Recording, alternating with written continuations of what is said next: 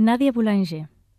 Desde nuestro primer encuentro en su apartamento de la Rue Balou, me di cuenta de que la señorita Boulanger era una de las personas más brillantes que había conocido en mi vida.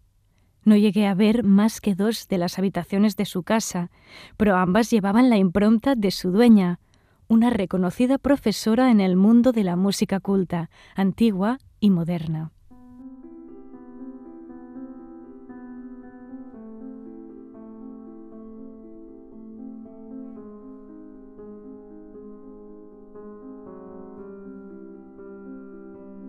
Su sala de música era muy grande. Allí se impartía todos los miércoles por la tarde una clase abierta a todos sus alumnos, cuya asistencia era obligatoria.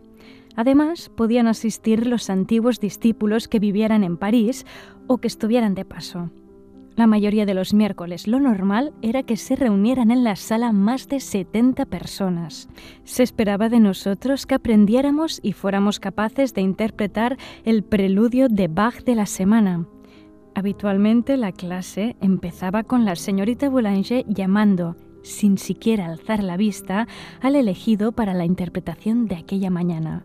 Paul, Charles, Philippe, y que Dios se apiadara de ti si no te lo habías preparado, o peor aún, si no estabas presente. Si ella esperaba que estuvieras y no aparecías, más te valía desaparecer para siempre.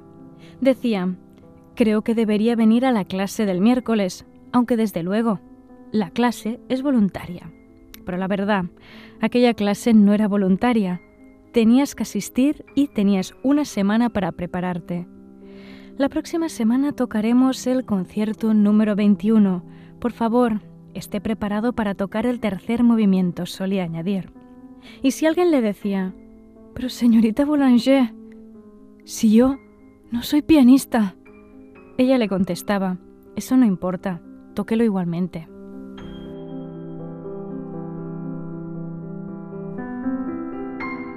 El primer día que me encontré con la señorita Boulanger, me llevó hasta la sala de música y cogió el puñado de composiciones que le había llevado. Eran las mejores de entre las 40 o 50 que había escrito durante mis cinco años en Juilliard. Las colocó en el atril y empezó a leerlas deprisa y en silencio, sin un solo comentario, examinándolas muy rápido, página por página.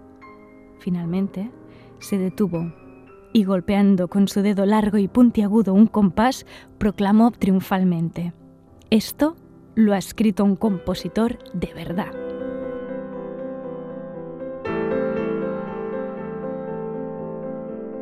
Palabras sin música de Philip Glass de la editorial Malpaso.